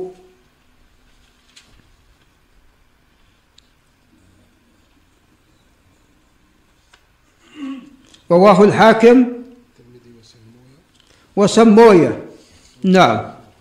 نعم وابن حبان والحاكم وقال الترمذي وقد روي عن طاووس عن ابن عباس رضي الله عنهما موقوفا ولا نعرفه مرفوعا إلا من حديث عطاء. نعم هذا كما تقدم الصواب أنه موقوف. لا سمويه سمويه معروف بس هذا موجود خطأ. هنا الحكم في سعة من حديث سفر اليوم وسموا به. هذا هذا خطأ. نعم نعم. هذه هذه نسخة المرعشلي نعم. قال وقد روي عن طاووس عن ابن عباس رضي الله عنه موقوفا ولا نعرفه مرفوعا الا من حديث عطاء. وقال الإمام أحمد عطاء رجل ثقة. رجل نعم رجل صالح. وقال ابن معين اختلط. فمن سمع منه قديما فهو صحيح. وقد رواه غير عطاء عن طاووس فرفعه أيضا. ورواه عبد الله بن طاووس وغيره من الأثبات. عن طاووس عن ابن عباس رضي الله عنهما موقوفا وهو أشبه. فالراجح الوقف. قال وروى مالك عن عبد الله بن أبي بكر أي بن محمد بن عمرو بن حزم أن في الكتاب الذي كتبه رسول الله صلى الله عليه وسلم لعمرو بن حزم أن لا يمس القرآن إلا طاهر. وهذا مرسل. طبعا جاءت مراسيل في أن لا يمس القرآن إلا طاهر. قال الإمام ابن تيمية وهذا مذهب الأئمة الأربعة. فلا يمس القرآن إلا طاهر. قال وقد رواه أحمد وأبو داود في المراسيل والنسائي والدار قطن بن حبان من رواية الزهري عن أبو بكر بن بن محمد بن عمرو بن حزم عن أبي عن جده. ولكن الصواب أنه مرسل وذلك لأن الذي أسنده عن الزهري قال سليمان بن داود الخولاني وهو ثقة. وقيل الصحيح أنه سليمان بن أرقم وهذا الأقرب والله أعلم وهو متروك. نعم فهذا الخبر يعني إنما جاء مرسلا وجاء أيضا مراسيل أخرى. وكما تقدم قال الإمام ابن تيمية أن هذا مذهب الأئمة الأربعة. فلا يمس القرآن إلا طاهر. قال وفي الصحيحين في حديث هرقل أن النبي صلى الله عليه وسلم كتب إليه بسم الله الرحمن الرحيم من محمد عبد الله ورسوله صلى الله عليه وسلم. إلى هرقل عظيم الروم وفيه يا أهل الكتاب تعالوا إلى كلمة سواء بيننا وبينكم ألا نعبد إلا الله ولا نشرك به شيئا. ولا يتخذ بعضنا بعضا أربابا من دون الله فإن تولوا فقولوا اشهدوا بأننا مسلمون. يعني الشاهد من هذا أن هرقل لا شك كافر نجس وأنه سوف يمس هذا الكتاب. لكن نقول كتابة آية ليس مثل القرآن كاملا. نعم. ولذا قراءة الآية نعم لا يعني أنت تقرأ آية في كتاب لا يشترط لها الطهارة. قال وعن عائشة رضي الله عنها قالت كان رسول الله صلى الله عليه وسلم يذكر الله على كل أحيانه رواه مسلم. من حديث عبد الله البهي عن عروة عن عائشة. نعم. فبالنسبة تفضل. بالنسبة لقراءة عليكم السلام. قراءة القرآن أولا مس لا يكون إلا من طاهر. وأما قراءته إن كان محدثا حدثا أكبر فلا يجوز له قراءة القرآن لحديث علي. قال وأما الجنب فلا ولا آية. وأما إن كان محدثا حدثا أصغر فيقرأه من ماذا؟ من حفظه. نعم. قال باب آداب قضاء الحاجة. قال عن أنس بن مالك رضي الله عنه قال كان رسول الله صلى الله عليه وسلم إذا دخل الخلاء وضع خاتمه. طبعا هذا أيضا خبر غير محفوظ. قال رواه داود بن ماجه والترمذي وصححه. وقد أخطأ أبو عيسى رحمه الله عندما صححه. ولذا عندما رواه النسائي قال هذا حديث غير محفوظ. والحاكم قال على شرطهما وهذا غير صحيح. وقال أبو داود وهذا حديث وهذا الحديث منكر والوهم فيه من همام همام عن ابن جريج. قال وقد روي من غير طريقه الصواب أنه لا يصح. قال وعن المغيرة بن شعبة رضي الله عنه قال كنت مع النبي صلى الله عليه وسلم في سفر فقال يا مغيرة خذ الإداوة فأخذتها فانطلق رسول الله صلى الله عليه وسلم حتى توارى عني فقضى حاجته. متفق عليه. هذا فيه الإبعاد عند قضاء الحاجة. قال وعن عبد الله بن جعفر بن أبي طالب رضي الله عنهما قال اردفني النبي صلى الله عليه وسلم خلفه فأسر إلي حديثا لا أحدث به أحدا من الناس. ويبدو أن هذا شيء خاص ولذا لم يحدث به ماذا؟ أحدا من الناس. قال وكان حب ما استتر به لحاجته هدف الهدف المكان المرتفع حتى يكون تحته. أو حائش نخل جماعة النخل. قال رواه مسلم. نعم. وفيه أن الإنسان يجب عليه إذا عند قضاء الحاجة أن يستتر. قال وعن أنس بن مالك رضي الله عنه قال كان رسول الله صلى الله عليه وسلم إذا دخل الخلاء قال اللهم إني أعوذ بك من الخبث والخبائث وهما ذكران الشياطين وإناثهم. قال متفق عليه. وقال البخاري وقال سعيد بن زيد. سعيد بن زيد أخو حماد بن زيد وهو صدوق له بعض الأوهام. حدثنا عبد العزيز أي بن صهيب قال إذا عن أنس إذا هذه رواية سعيد بن زيد إذا أراد أن يدخل الخلاء. نعم.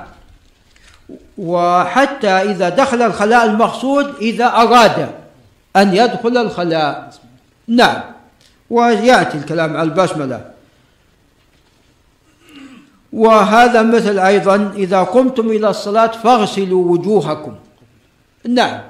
يعني لا يعني لا يلزم الإنسان إذا كان على وضوء وقام للصلاة أنه يتوضأ. يعني هذا أمر. فإذا فعلت قبل قيامك يكون ماذا؟ قد خلاص خلاص أتيت به فلا تؤمر به مرة ثانية. وهذا مثل أيضا فإذا قرأت القرآن فاستعذ. يعني إذا أردت ماذا؟ أن تقرأ القرآن. طبعا أبو محمد بن حزم يقول إذا انتهيت تستعيذ. نعم. لا المقصود إذا أردت أن تقرأ. واللغة العربية واسعة. قال ولسعيد بن منصور في سننه كان يقول بسم الله. وهذه لا تصح أيضا. الذي في الصحيحين والسنن الأربع والمسند وغيرها اللهم إني أعوذ بك من الخبث والخبائث. هذا الثابت بدون بسملة. وعن أبي هريرة رضي الله عنه أن الرسول صلى الله عليه وسلم قال اتقوا اللعانين. قالوا وما اللعانان يا رسول الله؟ قال الذي يتخلى في طريق الناس أو في ظلهم. أي الجانبين للعن. نعم. فالإسلام كل نظام. كله نظام. نظمنا الإسلام. لا تقضي الحاجة حيثما كان. كما أنك أيضا لا ترمي أن الزبالة حيثما كان في أي مكان. لا. يعني أنت نعم عندك منديل لا ترميه بأي مكان. عندك كيس انتهيت منها لا ترميها في أي مكان. عندك آه، علبة شربت منها عصير. ما أقول بيبسي لا تشرب البيبسي لكن عصير. فأيضا لا ترميها في كل مكان. نعم. ويعني كيف الإنسان يشرب هذا الشراب؟ يعني هو طبعا جائز لكن يعني لا شك أنه يعني فيه فيه ضرر فيه ضرر. نعم وفيه يعني نعم نعم فيه ضرر وفيه أيضا مواد ما أعلنوا عنها. فيه أيضا مواد بالنسبة للبيبسي مواد ما أعلنوا عنها. نعم. قال وعن عائشة نعم. قال وعن ع... نعم. نعم قال وعن حميد بن عبد الرحمن الحميري قال لقيت رجلا صحب النبي صلى الله عليه وسلم كما صحبه أبو هريرة رضي الله عنه قال نهى رسول الله صلى الله عليه وسلم أن يمتشط أحدنا كل يوم. الامتشاط هنا هو الادهان والترجيل يعني أنت بترجل وبتدهن كل يوم هذا راح ياخذ ماذا؟ ياخذ منك وقت. وأما وأما استعمال المشط لحاجة ف ولو كان في أكثر من يعني من مرة في اليوم فهذا لا بأس به والله أعلم. وإنما المقصود الترجيل والادهان. إي نعم فيه يعني كان ينهى عن كثير من الإرفاه. هذا فيه مبالغة في الترفه. نعم نهى رسول الله صلى الله عليه وسلم أن يمتشط أحدنا كل يوم أو يبول في مغتسله. لأن البول في المغتسل يجلب ماذا؟ نعم يجلب الوساوس. قال رواه أحمد وأبو داود والنسائي والحاكم وهذا الرجل المبهم هو الحكم بن عمرو الغفاري قال له ابن السكن. هذا الخبر صحيح وإسناده إلى حميد بن عبد الرحمن صحيح. نعم. يعني المهم هذا احتمال يعني مو جزم. هذا احتمال ليس بجزم. قال وعن يحيى بن أبي كثير عن محمد بن عبد الرحمن عن جابر بن عبد الله رضي الله عنهما قال قال رسول الله صلى الله عليه وسلم إذا تغوط الرجلان فليتوارى كل واحد منهما عن صاحبه ولا يتحدثان على طوفيهما فإن الله يمقت على ذلك. قال أخرجه ابن السكن وقال ابن القطان هو حديث صحيح. ومحمد بن عبد الرحمن ثقة والطوف والغائط قاله الجوهري. وعن عائشة رضي الله عنها قالت ما بال رسول الله صلى الله عليه وسلم منذ أنزل عليه القرآن قائما. نعم هذا حديث صحيح. وعائشة أخبرت بما رأت وحذيفة قد أخبر أنه عليه الصلاة والسلام في مرة من المرات بال ماذا؟ قائما. نعم. قال رواه أحمد وأبو عوانة في مسنده الصحيح بهذا اللفظ وعند الترمذي والنسائي وابن ماجه وابن حبان والحاكم نحوه. قال الترمذي هو أحسن شيء في هذا الباب وأصح. قال وعن ابن جريج عن نافع عن ابن عمر رضي الله عنهما قال قال رسول الله صلى الله عليه وسلم لا تبل قائما هذا لا يصح أيضا. قال رواه ابن حبان وقال خافوا أن ابن جريج لم يسمع من نافع هذا الخبر. نعم هو خبر معلول لا يصح. قال وقد ثبت عن ابن عمر رضي الله عنهما أنه بال قائما. نعم وهذا يريد أن يبين أن هذا الخبر لا يصح. قال وعن حذيفة بن اليمان رضي الله عنه وعن أبيه قال أتى النبي صلى الله عليه وسلم سباطة قوم فبال قائما ثم دعا بماء فجئته بماء فتوضأ. متفق عليه. قال ولفظه للبخاري وليس فيه مسلم فدعا بماء فجئته بماء. نعم. وهذا فيه مشروعية البول قائما لكن لا بد على الإنسان أن يتحفظ. يتحفظ من الناس بحيث لا ترى عورته ويتحفظ من أن يصيب الرشاش قال وعن عاصم بن بهدلة وحماد بن أبي سليمان كلاهما عن أبي وائل شقيق بن سلمة عن المغيرة بن شعبة أن الرسول صلى الله عليه وسلم أتى على سباطة قوم فبال قائما. قال قال حماد ففحج رجليه. قال رواه أحمد وهذا لفظه بن خزيمة وعله أحمد برواية منصور والأعمش عن أبي عن حذيفة. هذا الصواب. الصواب أنه من حديث حذيفة لا من حديث المغيرة. نعم طبعا ابن حبان ابن خزيمة بن حبان يرى يريان كلا الخبرين صحيح. والصواب لأن الصحيح حديث حذيفة. قال وعن أبي قتادة الأنصاري رضي الله عنه قال قال رسول الله صلى الله عليه وسلم لا يمسكن أحدكم ذكره بيمينه وهو يبول. في حال البول لا تمسك ذكرك بيمينك. قال ولا يتمسح من الخلاء. طبعا قال وهو يبول. اذا في غير البول إذا احتاج الإنسان لا بأس لكن في البول لا تفعل ذلك. قال ولا وإنما بيساره. قال ولا يتمسح من الخلاء بيمينه ولا يتنفس في الإناء. نعم لأن إذا تنفس في الإناء سوف يقدره على من كان خلفه. نعم إلا هذه القوارير إذا كان الإنسان بيشرب فيها ثم بعد ذلك ماذا؟ يعني نعم هذا يعني خاص به. وأما الإناء فبيأتي بعدك واحد يشرب وثاني وثالث. قال ولا يتنفس في الإناء متفق عليه وهذا لفظ مسلم. قال وعن سلمان الفارسي رضي الله عنه قال قيل له قد علمكم نبيكم كل شيء حتى القراءة؟ قال فقال أجل لقد نهانا أن نستقبل القبلة لغائط أو بول أو أن نستنجي باليمين أو أن نستنجي بأقل من ثلاثة أحجار أو أن نستنجي برجيع أو بعظم. هذه الأشياء كلها قد نهي عنها. نهانا أن نستقبل القبلة لغائط أو بول. نعم. وهذا الاستقبال عندما يكون الإنسان في الفضاء. وأما إذا كان ليس في فضاء فلا بأس كما جاء في حديث ابن عمر. نعم. حديث ابن عمر إنه صعد على بيت حفصة فوجده عليه الصلاة والسلام مستقبلا بيت المقدس مستدبرا للكعبة. نعم. فهذا في بنيان. وفي حديث جابر الذي رواه الترمذي رأيت قبل عام يبول وهو مستقبل القبلة لا بأس به لا بأس بإسناده عليه الصلاة والسلام. ولد في سنن داود أن عبد الله بن عمر عرض بعيره وبال إليه. قال أو أن نستنجي باليمين. نعم. فلا يجوز إنسان أن يستنجي باليمين. قال أو أن نستنجي بأقل من ثلاثة أحجار نعم ثلاثة أحجار فأكثر. ويعني ليقطعها على وتر. إن احتاج إلى رابع فليضف ماذا؟ خامس. قال أو أن نستنجي برجيع أو عظم لأنها طعام الجن ودواب الجن. قال رواه مسلم.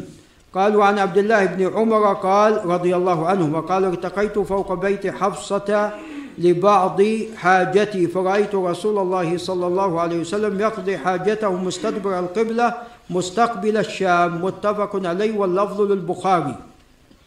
قال وعن جابر بن عبد الله قال نهى نبي الله صلى الله عليه وسلم أن نستقبل القبلة ببول فرأيت قبل أن يقبض بعام يستقبلها. وهذا لا بأس بإسناده.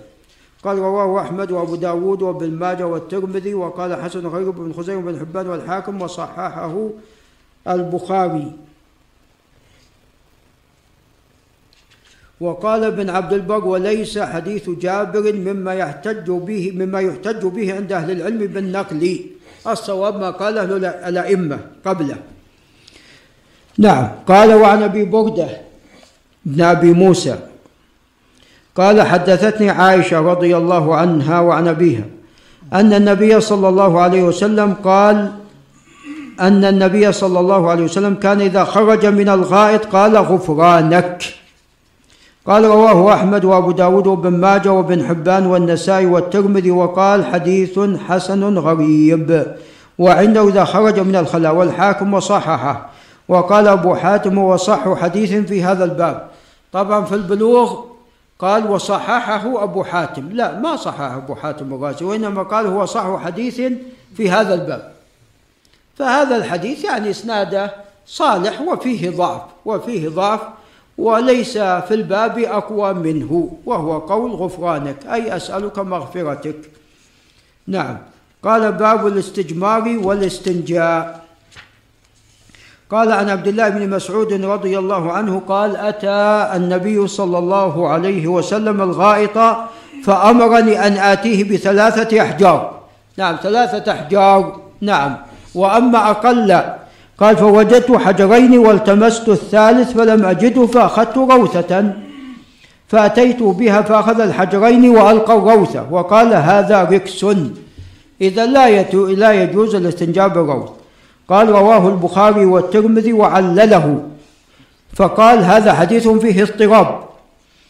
والأقرب هو صحة هذا الحديث كما أودعه شيخه في كتابه الجامع الصحيح.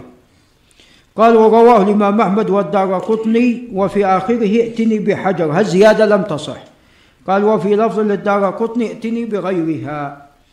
قال وعن يعقوب بن حميد بن كاسب عن سلمة بن رجاء طبعا يعقوب بن حميد بن كاسب لا يحتج به. عن سلمة بن رجاء عن الحسن بن فرات عن أبي عن أبي حازم عن أبي هريرة أن رسول أن رسول الله صلى الله عليه وسلم نهى أن يستنجى بعظم أو روث وقال إنهما لا يطهران. هذا لا يصح. قال رواه أبو أحمد بن عدي والدار قطني وقال إسناد صحيح. أحكام الدار قطني في كتابه السنن فيها بعض النظر في بعضها بعض النظر. وقد شكك بعض أهل العلم أنها كلها من الدار قطني. بعض أهل العلم شكك أن كلها من الدار قطني. نعم. أما يعني أكثرها نعم من الدار قطني لكن كلها بعض أهل العلم شكك في ذلك. قال وقال ابن عدي لا أعلم من رواه عن فرات القزاز غير ابنه الحسن وعن الحسن سلمة وعن سلمة ابن كاسب وسلم حديث وحديث أفراد وغرائب ويحدث عن قوم بأحاديث لا يتابع عليها. هذا الخبر لا يصح. قال وروى شعبة عن أبي معاذ واسمه عطاء بن أبي ميمونة قال سمعت أنس بن مالك رضي الله عنه يقول كان رسول الله صلى الله عليه وسلم يدخل الخلاء فأحمل أنا وغلام نحوي إداوة من ماء وعنزة. فيستنجي بالماء متفق عليه. نعم. ولعل نقرأ حتى لا نشك على الإخوان بس بنقرأ بعض الأحاديث حتى نصل إلى كتاب الصلاة ونقف عند هنا. نعم تفضل أبو فيصل. بس أربعين حديث فقط.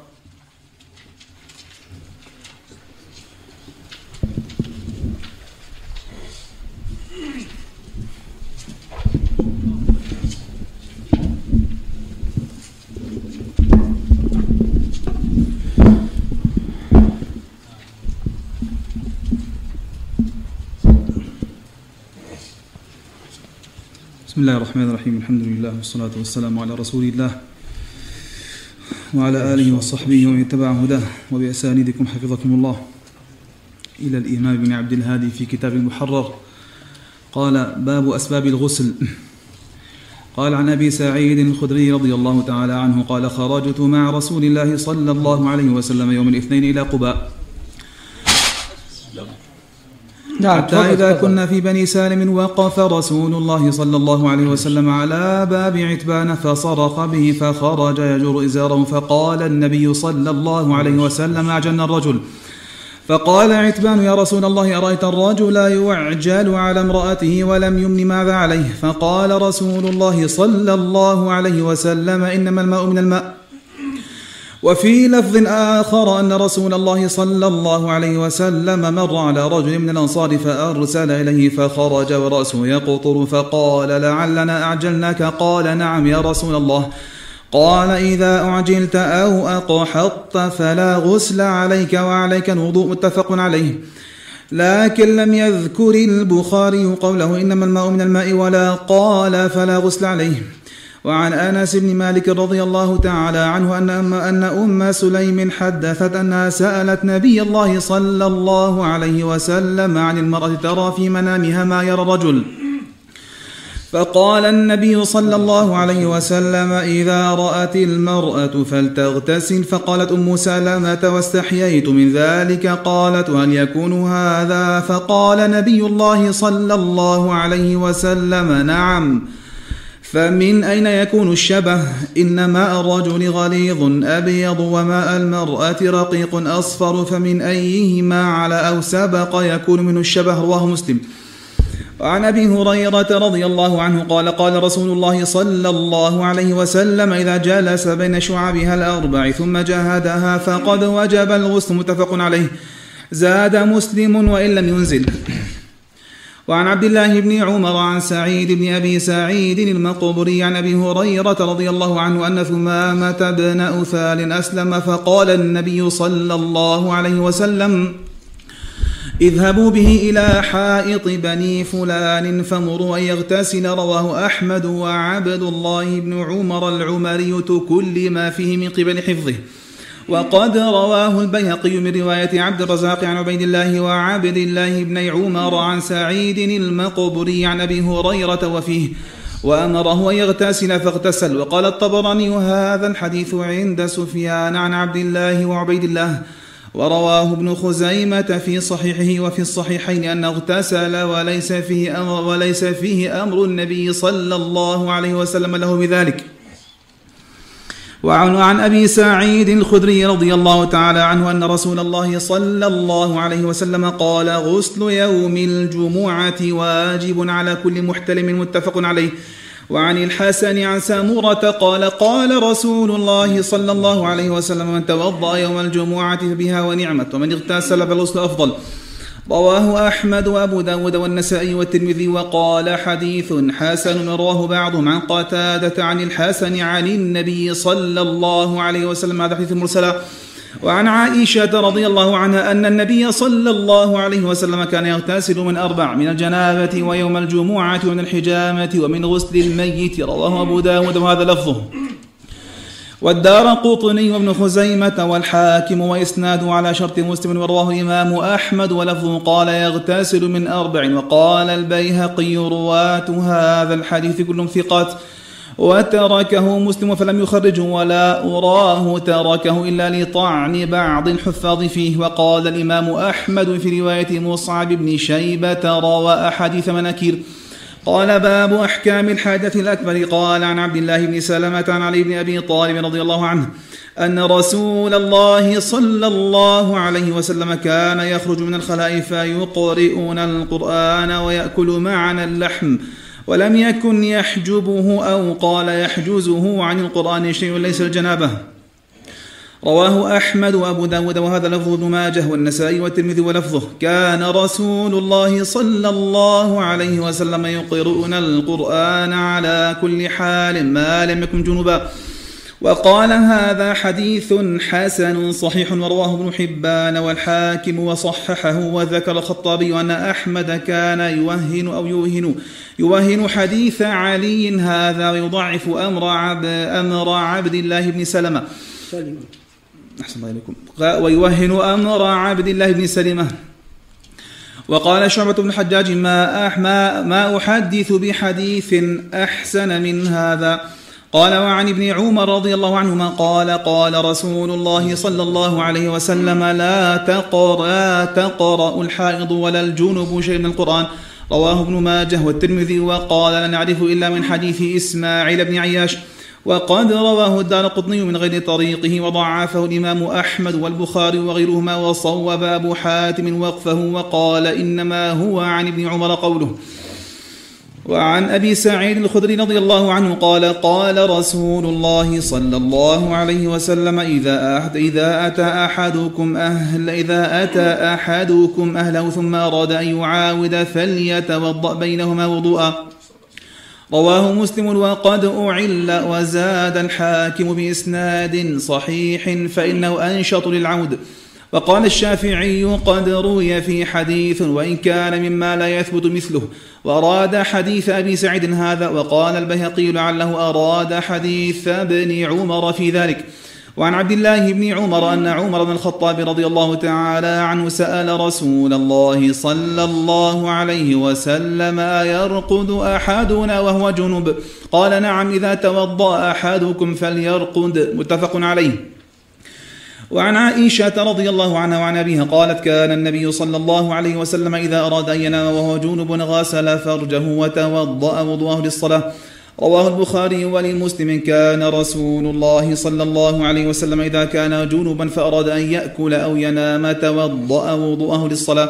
وعن أبي إسحاق السبيعي عن الأسود عن عائشة رضي الله تعالى عنها قالت كان رسول الله صلى الله عليه وسلم ينام وهو جنب من غير أن يمس ماء.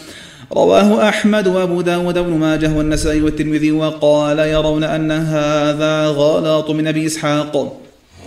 وقال يزيد بن هارون هذا الحديث وهم أو وهم؟ وقال أحمد ليس صحيحا وصححه البيهقي وغيره. وقال بعض الحذاق من المتأخرين أجمع من تقدم من المحدثين ومن تأخر منهم أن هذا الحديث غلط منذ زمان أبي إسحاق إلى اليوم. وعلى ذلك تلقوه منه وحمله عنه وهو أول حديث أو ثاني مما ذكره مسلم في كتاب التمييز له مما حمل من الحديث عن الخطأ أو حمل. وروى أحمد من حديث شريك عن محمد بن عبد الرحمن عن كريب عن عائشة رضي الله عنها أنها قالت كان النبي صلى الله عليه وسلم يجنب ثم ينام ثم ينتبه ثم ينام لا يمس ماء وإسناد غير قوي. قال باب صفة الغسل وعن عائشة رضي الله عنها وعن أبيها قالت كان رسول الله صلى الله عليه وسلم إذا اغتسل من الجنابة يبدأ فيغسل يديه. ثم يفرغ بيمينه على شماله فيغسل فرجه ثم يتوضأ وضوءه للصلاة ثم يأخذ الماء فيدخل أصابعه في أصول الشعر. حتى إذا رأى أن قد استبرأ حفن على رأسه ثلاث حفنات ثم أفاض على سائر جسده ثم غاسل رجليه. متفق عليه وهذا لفظ مسلم. وفي لفظ له أن النبي صلى الله عليه وسلم اغتسل من الجنابة فبدأ فغسل كفيه ثلاثة. وفي لفظ لهما ثم يخلل بيده شعره. وفي لفظ البخاري حتى إذا ظن أنه قد أروى بشرته أفاض عليه الماء ثلاث مرات. وعن ميمونة زوج النبي صلى الله عليه وسلم قالت أدنيت لرسول الله صلى الله عليه وسلم غسل من الجنابة فغسل كفه مرتين أو ثلاثة ثم أدخل يده في الإناء ثم أفرغ على فرجه وغسله بشماله ثم ضرب بشماله الأرض فدلكها دلكا شديدا ثم توضأ وضوءه للصلاة. ثم أفرغ على رأسه ثلاث حفنات ملء كفه ثم غسل سائر جسده ثم تنحى عن مقامه ذلك فغسل رجليه ثم أتيته بالمنديل فرده وفي رواية وجعل يقول بالماء هكذا ينفضه.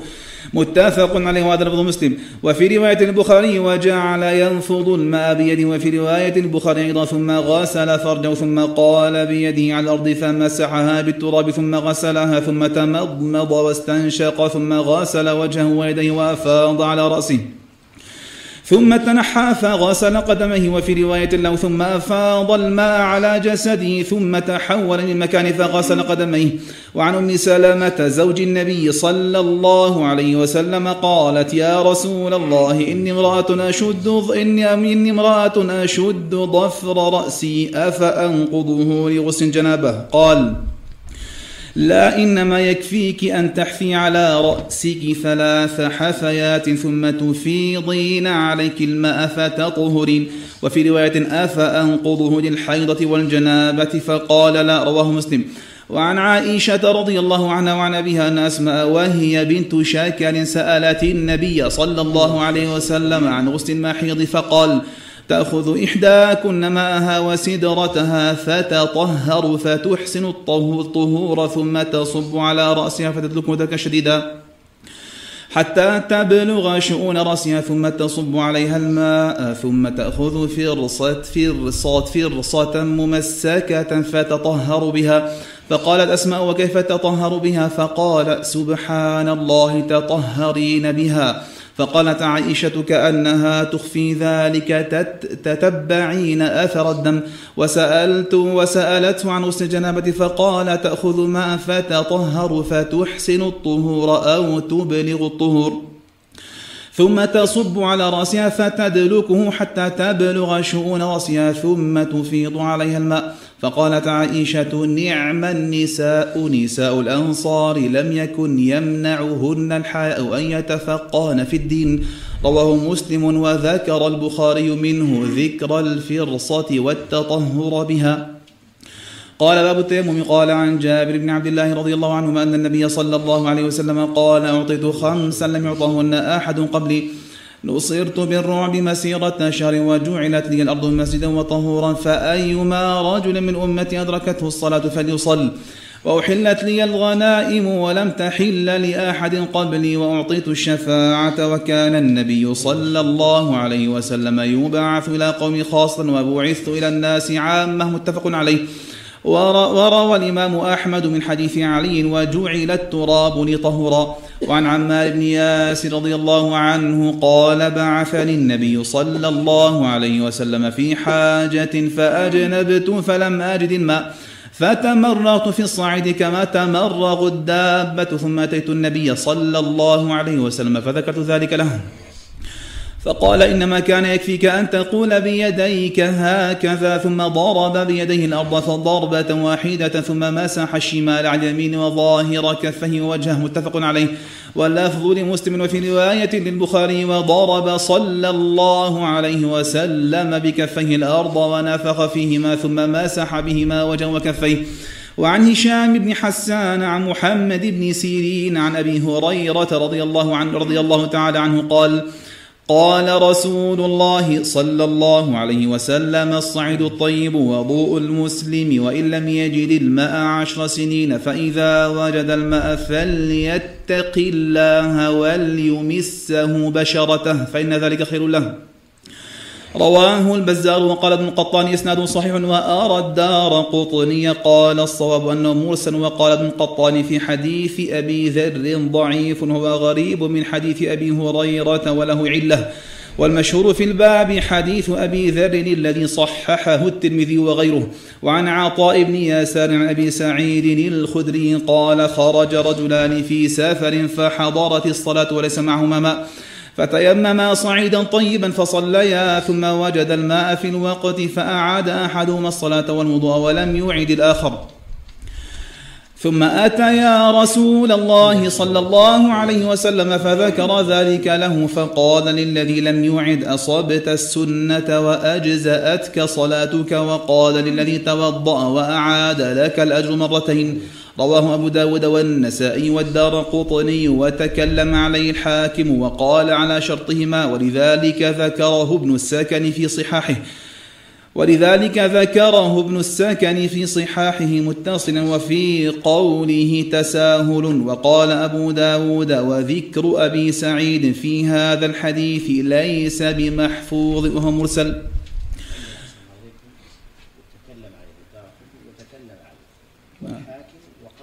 هو هذا هذا دار قد يتكلم عليه. والحاكم وقال إي نعم بس هذا ما ودنا أن نقطع وعن أبي هريرة رضي الله عنه أن رسول الله صلى الله عليه وسلم قال إذا أمرتكم بأمر فأتوا منه ما استطعتم. متفق عليه. قال باب الحيض. قال وروى ابن أبي عدي عن محمد بن عمرو بن شهاب عروة عن عائشة رضي الله عنها أن فاطمة بنت أبي حبيش كانت تستحاض فقال رسول الله صلى الله عليه وسلم إن دم الحيض دم أسود يعرف فإذا كان ذلك فأمسك عن الصلاة. فإذا كان الآخر فتوضأ وصلي رواه أبو داود والنسائي وابن حبان والدار قطني وقال رواته كلهم ثقات والحاكم وقال على شرط مسلم وقال النسائي قد روى هذا الحديث غير واحد فلم يذكر أحد منهم ما ذكر ابن أبي عدي وقال أبو حاتم لم يتابع محمد بن عمرو على هذه الرواية وهو منكر. وعن أسماء بنت عميس قالت قلت يا رسول الله إن فاطمة بنت أبي حبيش استحيضت منذ كذا وكذا فلم تصل فقال رسول الله صلى الله عليه وسلم سبحان الله هذا من الشيطان لتجلس في مركن فإذا رأت صفرة فوق الماء فلتغتسل للظهر والعصر غسلا واحدا وتغتسل للمغرب والعشاء غسلا واحدا وتغتسل للفجر غسلا وتتوضأ وتتوضأ فيما بين ذلك. رواه أبو داود والدار قطني والحاكم وقال على شرط مسلم وقد عله بعضهم. وعن حمنة بنت جحش قالت كنت أستحاض حيضة كثيرة شديدة فشديدة فأتيت النبي صلى الله عليه وسلم أستفتيه وأخبره فوجدته في بيت أختي زينب بنت جحش فقلت يا رسول الله إني أستحاض حيضة كثيرة شديدة فما تأمرني فيها؟ قد منعتني الصيام والصلاة. قال أنعت لك الكرسف فإنه يذهب الدم. قالت وأكثر من ذلك؟ قال فتلجمي. قالت وأكثر من ذلك؟ قال فاتخذي ثوبا. قالت وأكثر من ذلك؟ إنما أثج ثجا. فقال النبي صلى الله عليه وسلم سآمرك بأمرين أيهما صنعت أو أيهما صنعت أجزاء عنك فإن قويت عليهما فأنت أعلم. فقال إنما هي ركضة من الشيطان. فتحيضي ستة أيام أو سبعة أيام في علم الله ثم اغتسلي فإذا رأيت أنك قد طهرت واستنقأت فصلي أربعا وعشرين ليلة أو ثلاثا وعشرين ليلة وأيامها. وصومي وصلي فإن ذلك يجزئك وكذلك فافعلي كما تحيض النساء وكما يطهرن لميقات حيضهن وطهرهن فإن قويت على أن تؤخر الظهر وتؤجل العصر فتغتسل حين تطهرين وتصلين الظهر والعصر جميعا. ثم تؤخرين المغرب وتعجلين العشاء ثم تغتسلين وتجمعين بين الصلاتين فافعلي وتغتسلين مع الصبح وتصلين وكذلك فافعلي وصومي إن قويت على ذلك. فقال رسول الله صلى الله عليه وسلم وهو أعجب الأمرين إلي. رواه أحمد وأبو داود بن ماجه والترمذي وهذا لفظه وصححه. وكذلك صححه أحمد بن حنبل وحسنه البخاري وقال الدار قطني تفرد به ابن عاقل وليس بقوي ووهنه أبو حاتم وقال البيهقي تفرد به عبد الله بن محمد بن عقيل وهو مختلف في الاحتجاج به قال وعن عائشة أن أم حبيبة بنت جحش التي كانت تحت عبد الرحمن بن عوف شكت إلى رسول الله صلى الله عليه وسلم الدم فقال لها امكثي قدر ما كانت تحبيسك حيضتك ثم اغتسلي فكانت تغتسل عند كل صلاة رواه مسلم. وعن عائشة رضي الله عنها قالت اعتكف اعتكف قالت اعتكفت أو اعتكفت مع رسول الله صلى الله عليه وسلم امرأة من أزواجه وهي مستحاضة فكانت ترى الدم والصفرة والطست تحتها وهي تصلي. رواه البخاري وأبو داود. قال وعن أم عطية قالت كنا لا نعد الصفرة والكدرة بعد الطهر شيئا. رواه البخاري وأبو داود وليس في رواية البخاري بعد الطهر.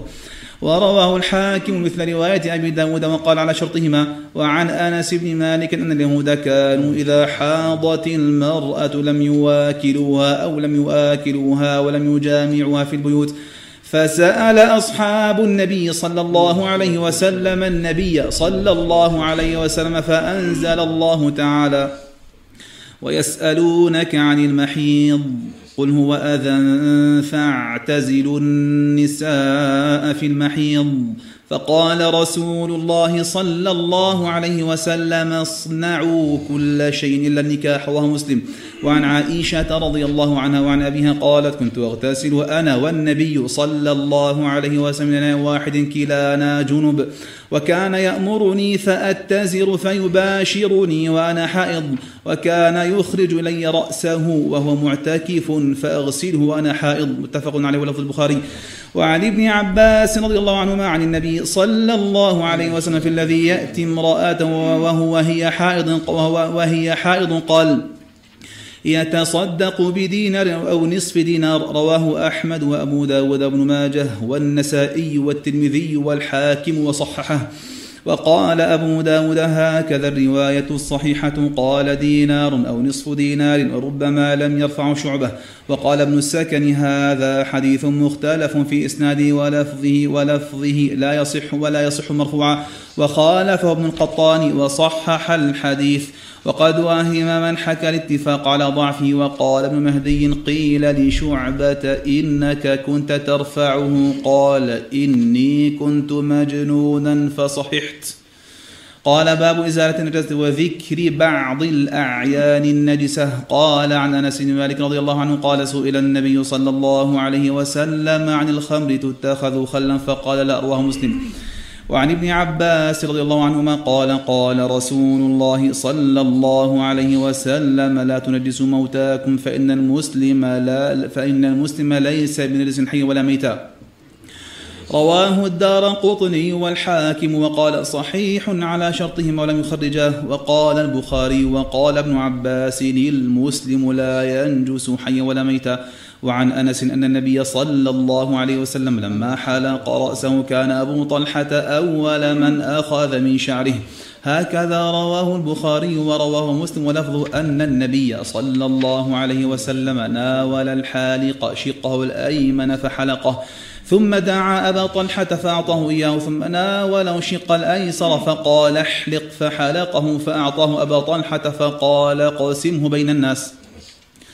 وعن أنس بن مالك قال لما كان يوم خيبر جاء جاء فقال يا رسول الله أكلت الحمر ثم جاء جاء فقال يا رسول الله أفنيت الحمر فأمر رسول الله صلى الله عليه وسلم طلحه فنادى إن الله ورسوله ينهيانكم عن لحوم الحمر فإنها رجس أو نجس قال فأكفئت القدور ما فيها متفق على ولفظ مسلم. وفي الصحيح في حديث سلامة أنهم أخبروا أنهم يوقدون على لحم الحمر الإنسية فقال رسول الله صلى الله عليه وسلم أهريقوها واكسروها. فقال رجل يا رسول الله أو نهريقها ونغسلها فقال أو ذاك.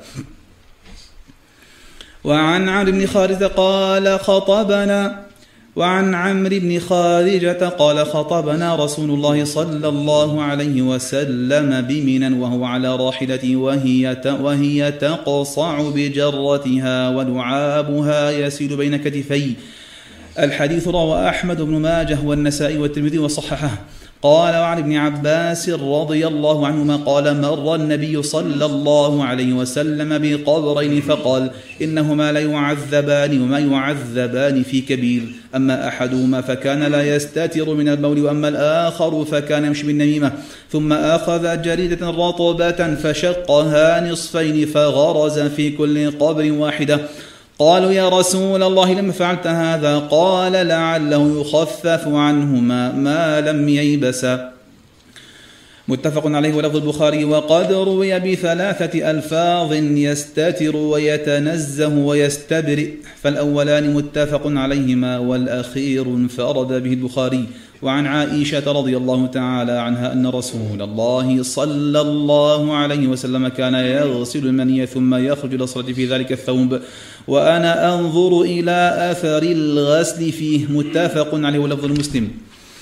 وفي رواية له عن عائشة رضي الله عنها وعن أبيها لقد رأيتني أثركه من ثوب رسول الله صلى الله عليه وسلم فركا فيصلي فيه.